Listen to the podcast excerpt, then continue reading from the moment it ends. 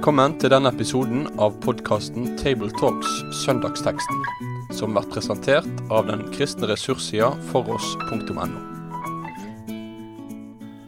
Ja, velkommen til en ny eh, gjennomgang av en tekst for en søndag. Og nå er det søndag 13. september, 15. søndag i treenighetstiden. Og denne gangen er det en tekst fra et apostelbrev. Og det er Filipperbrevet, det første kapitlet. Filipperbrevet 1, vers 9-11. Det er en forbønnssekvens, faktisk, dette her.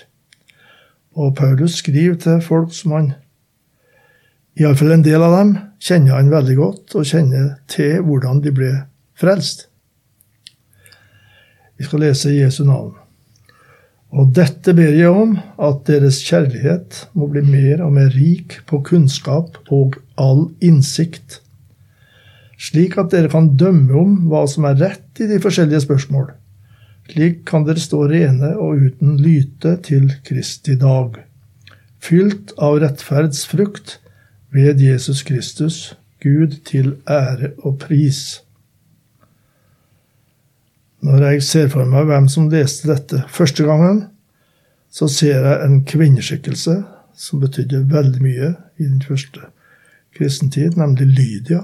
Hun var den første som ble døpt.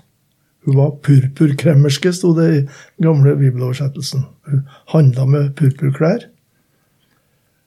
Og hun var en uh, dyktig person som samla menigheten i huset sitt helt ifra begynnelsen, når hun var døpt. Og der hadde hun også plass nok til å ta imot misjonærer. Så Paulus, Silas, Timoteus og Lukas hadde rom hos Lydia den første tida. Og Jeg ser også for meg en slave, ei jente, som hadde vært besatt, og som var den umiddelbare årsaken til at de havna i fengsel, fordi hun ble befridd fra besettelsen, og eierne hennes mista inntekt.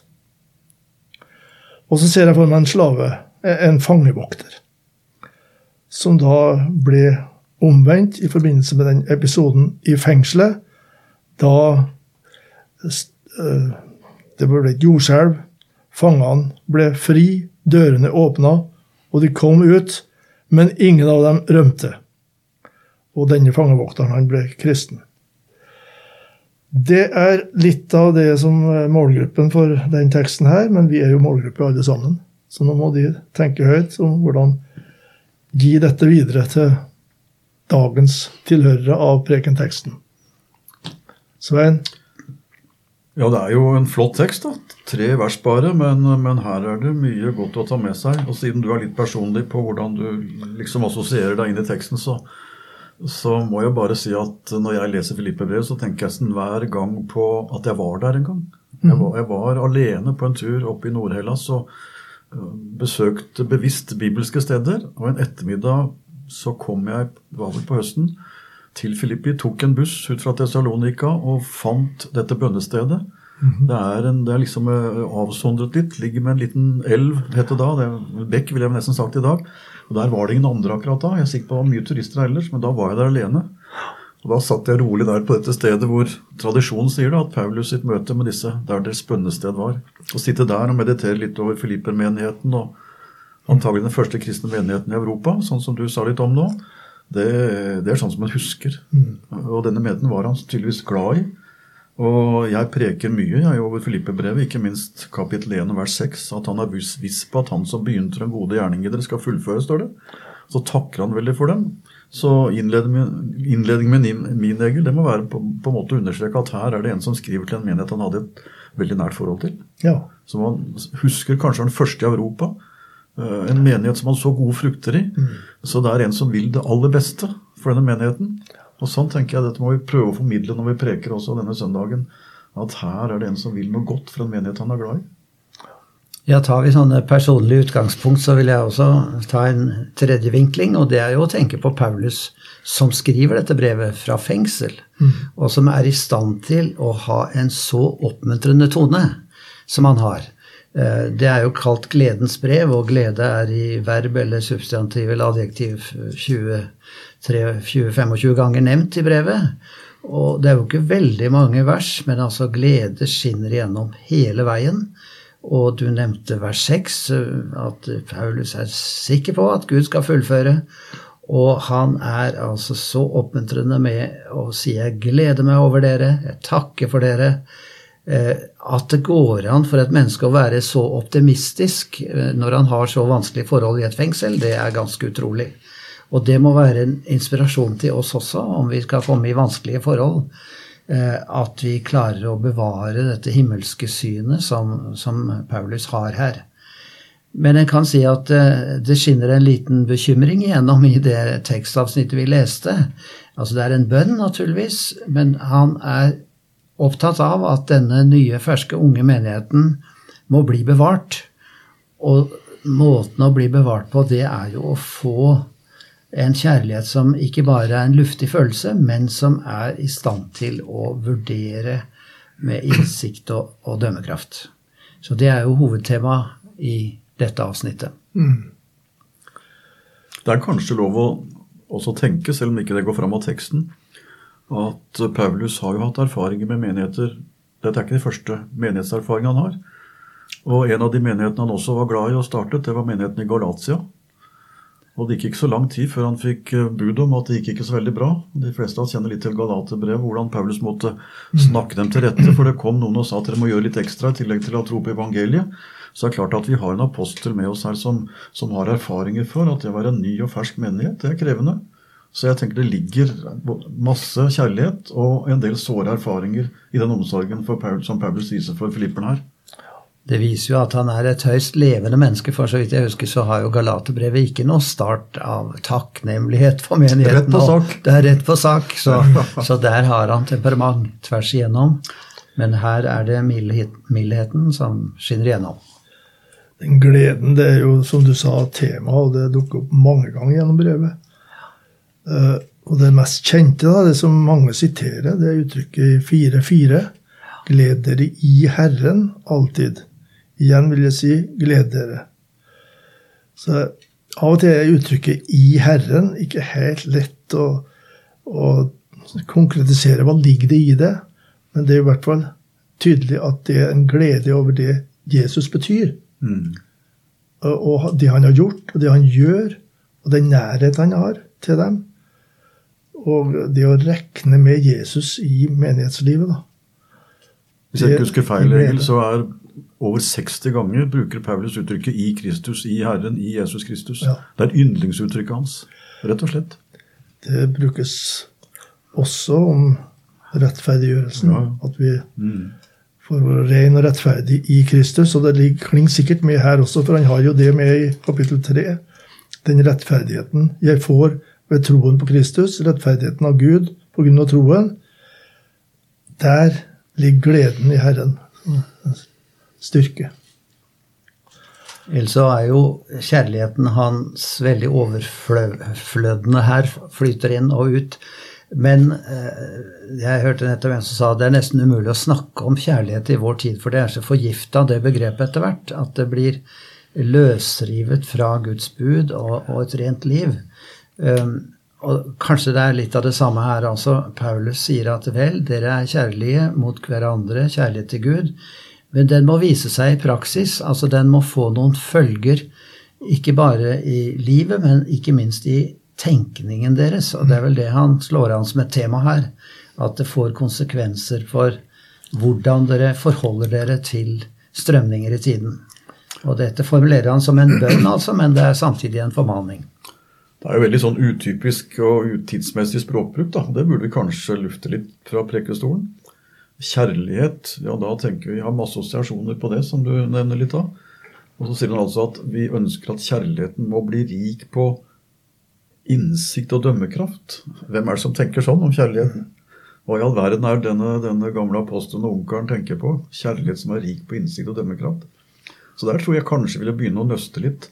Er det, ikke kjærligheten bli veldig sånn kald og akademisk og sånn hvis vi, må, vi skal bruke dømmekraft og innsikt eh, i forhold til kjærligheten? Og så tenker jeg vel at det Paulus er ute etter her, er nettopp at kjærligheten blir rik ved at vi legger verdier i den. At den ikke bare blir emosjoner, men den kjærligheten som skal vare, og som skal bety noe for den vi elsker, den må preges av at det er noen verdier som den kjærligheten preges av. For kjærlighet som ikke er forankret i noe, den blir flyktige emosjoner som vokser og går opp og ned som heisen. En kjærlighet som skal bety noe for dem jeg elsker, den må de gjenkjenne fordi den er preget av noe. Jeg tipper det er det Paulus er ute etter, og det kan anvendes på mange områder. Men nå snakker vi om den kristne etterfølgelse og livet med Jesus. Men å hjelpe folk til å tenke at ønsker du en kjærlighet som bare er emosjonell, og som er like flyktig som eh, god vær og dårlig vær? Eller ønsker du en kjærlighet til å bli elsket sånn at du er trygg på at det er noen verdier her? Noe som denne kjærligheten er forankret i? Jeg tror de fleste av oss ønsker å bli elsket på en sånn måte. Dømmekraften her som kobles opp imot kjærligheten, da. Og kunnskap, innsikt, dømmekraft. Det innebærer jo at en må sette foten ned av og til. Kanskje tenker en også på ledersjiktet her, at de må få visdom til å sette foten ned på de rette punkter. Dømme om hva som er rett og riktig, står det, i de forskjellige spørsmål. Det er mange ulike ting som han sjøl personlig kanskje ikke har tatt opp i forkynnelsen, men som ligger som konsekvenser av det kristne budskapet. Og det å trekke den konsekvensen inn i menighetslivet, det er vel det kanskje det gjelder disse forskjellige spørsmål som han nevner her, da. Ja, Det er jo det Paulus er opptatt av, tenker jeg, sin brevskrivning. Å mm. møte folk med den kjærligheten som er forankret i noe. Så kanskje jeg ville begynt enda et skritt før deg, Egil, og si hva, hva, hva, ønsker jeg at folk skal oppleve at min kjærlighet er forankret i? Mm. Hva, er som, hva, er det som, gir den eh, forutsigbarhet? Så ikke de lurer på ja, hva, hva sier Svein i dag, og hva sier han i morgen, og hvordan håndterer man meg, han meg neste uke? Eh, kjærligheten, den, den, den har en type hva skal vi si, eh, variasjonsside ved at den møter mennesker og situasjoner slik som de forandrer seg. Men den er gjenkjennbar fordi den kjærlighet jeg er trygg på, den vet jeg er forankret til noe hos den som møter meg med den. Så det vil jeg kanskje sagt om først, tror jeg. Og så gått inn der som Egil er inne på, at uh, det møter hverdagen deres. Noen ganger må man sette foten ned. Og Det er jo også mm, viktig det ordet som han er inne på, med renhet. Mm.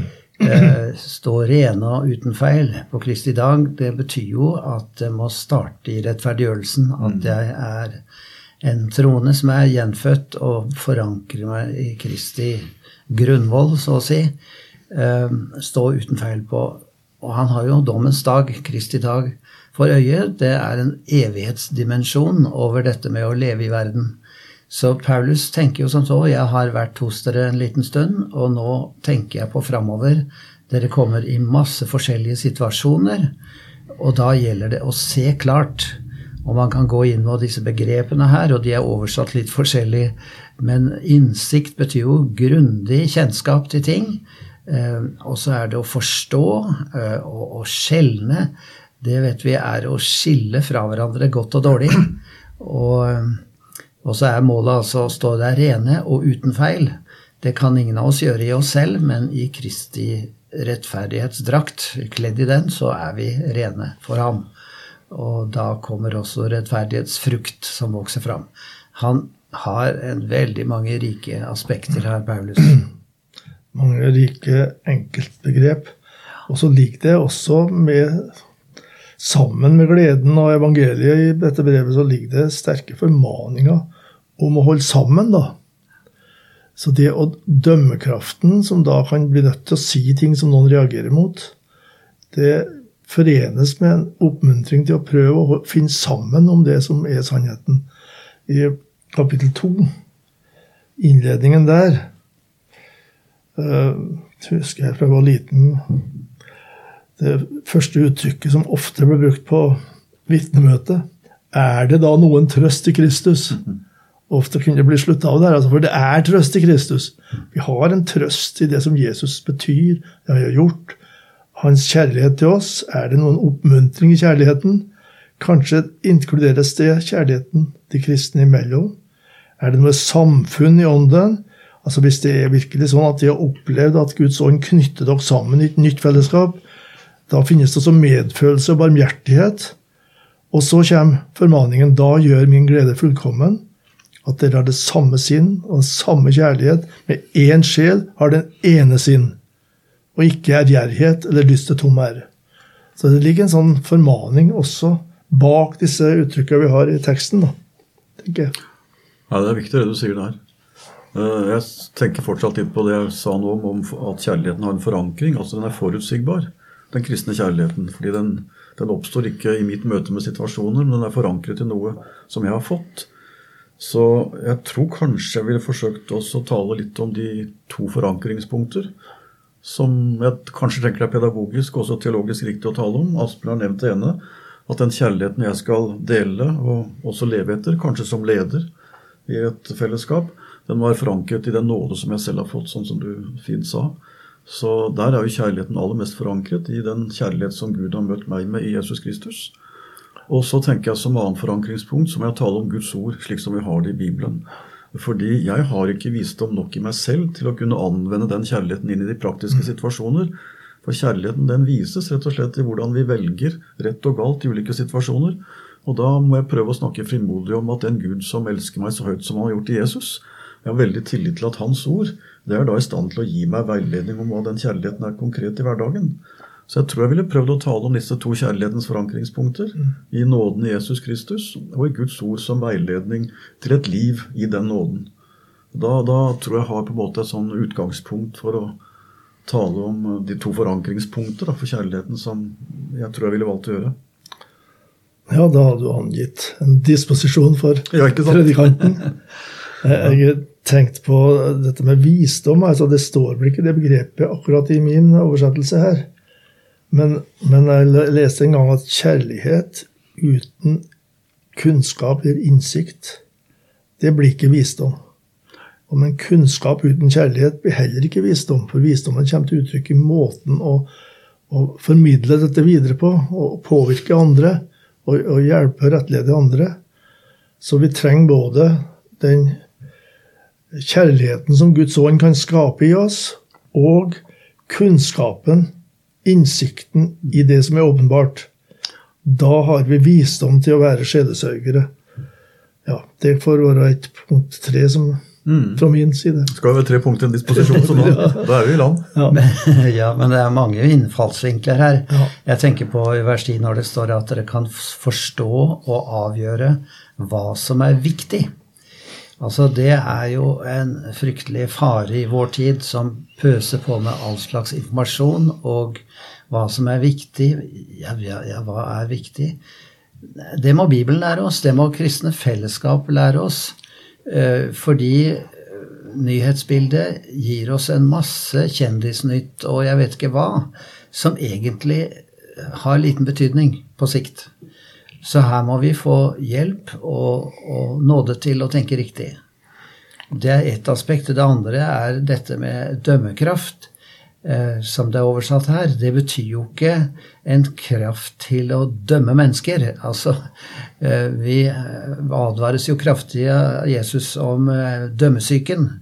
Eh, og som Thomas A. Kempis har sagt det, vær ikke sint for at du ikke kan få andre til å bli slik du ønsker de skal være, siden du ikke kan få deg selv til å bli slik du ønsker du selv ville være. altså, Ja, ja, så det, det er akkurat det. Det er ydmykheten som må skinne gjennom i dette. Eh, Det er typisk for de dumme at de alltid dømmer, er det en som har sagt. Og eh, vi overgir folk til Guds nåde og viser ingen nåde selv. Det ser så lett at vi i vår dømmekraft blir veldig flinke til å dømme mennesker. Men det som er viktig for Paulus, det er jo å ta opp de spørsmålene, si sakene, de åndsretningene som flyr hit og dit. Eh, Det er det som er viktig å, å dømme om, og så får Herren ta seg av menneskene. Eh, Slik leser jeg dette her. Jeg tenker på et avsnitt i Filippebrevet som kanskje er aller mest kjent. da. Det som er kalt for en Kristushymne. Når det står mot slutten av vår tekst rettferdsfrukt ved Jesus Kristus, Gud til ære og pris, så avslutter også Kristushymnen i kapittel 2 med til Gud Faders ære. Og da er det Jesu komme, at han ble menneske. Han fornedra seg sjøl, lydig til døden, døden på korset. Derfor har Gud høyt opphøyet ham, gitt ham navnet over alle navn, og hver tunge skal bekjenne at Jesus Kristus er Herre til Gud Faders ære. Det er den store sangen i dette skriftet. Helt fantastisk. Å gå rett inn i sentrum av både Kristi person og frelsen. Og, og, da å koble det sammen med den teksten her, det syns jeg er veldig godt. Eller å ha det som bakteppe, så å si. At en sånn tekst om menighetslivet, innbyrdes forhold og modning som menighet, det har altså Jesus Kristus og hans plass ved Guds høyre hånd som det fullførte, uttrykk for det fullførte frelsesverk som uh, basis. Ja, Det er viktig. Og da får jo den teksten et sånt eschatologisk utblikk, som vi på fint sier. At vi tenker også framover. Det har mm. med, med hvordan uh, vi en gang skal stå for det vi har gjort, også. Uh, å dømme betyr jo på gresk å sette skille. Ikke å drive gradsbedømming, som norsk, norsk rett kan gjøre, men å skille rett fra galt, og til syvende og sist å skille flokken, som Jesus delte i to. Bare si sånn avslutningsvis For min del så, så kjenner jeg nok veldig trang til med den teksten her å hjelpe folk til å ha tillit til at Guds vilje er god. Altså at Guds kjærlighet, kjærlighet kommer til uttrykk også gjennom Hans bud. At formaninger og veiledning i Skriften som man lett kan tråkke på i dag og tenker at kjærligheten må jo være mye større, for den er jo størst av alt. Ja, det er den rett forstått. Men den kommer best til uttrykk når jeg tror at Gud vil meg godt gjennom sitt ord. Så det å hjelpe folk til å tenke at den smarteste måten å være i kontakt med kjærligheten på, det er å lytte til Bibelen, det har jeg lyst til å prøve å få sagt. Ja, det får meg til å nevne det du sa om eschatologisk perspektiv her. At uh, den som skal preike, uh, han skal ha evighetsperspektivet alltid med seg det, det, det preger prekinga, sa Brynjulf Oas en gang, husker jeg. Om en har det eller ikke. Om, om, det klinger med. At vi er på vei mot et mål, og det gjelder å nå fram. Men da er vi jo kanskje kommet til endes i dagens lille samtale om søndagen tekst. Og vi tenker at alle som skal preike, og alle som skal lytte, må få en god søndag over Guds ord fra Filippe-brevet. Takk for oss. Med det sier vi takk for følget for denne gang. Finn flere ressurser, og vær gjerne med å støtte oss på foross.no.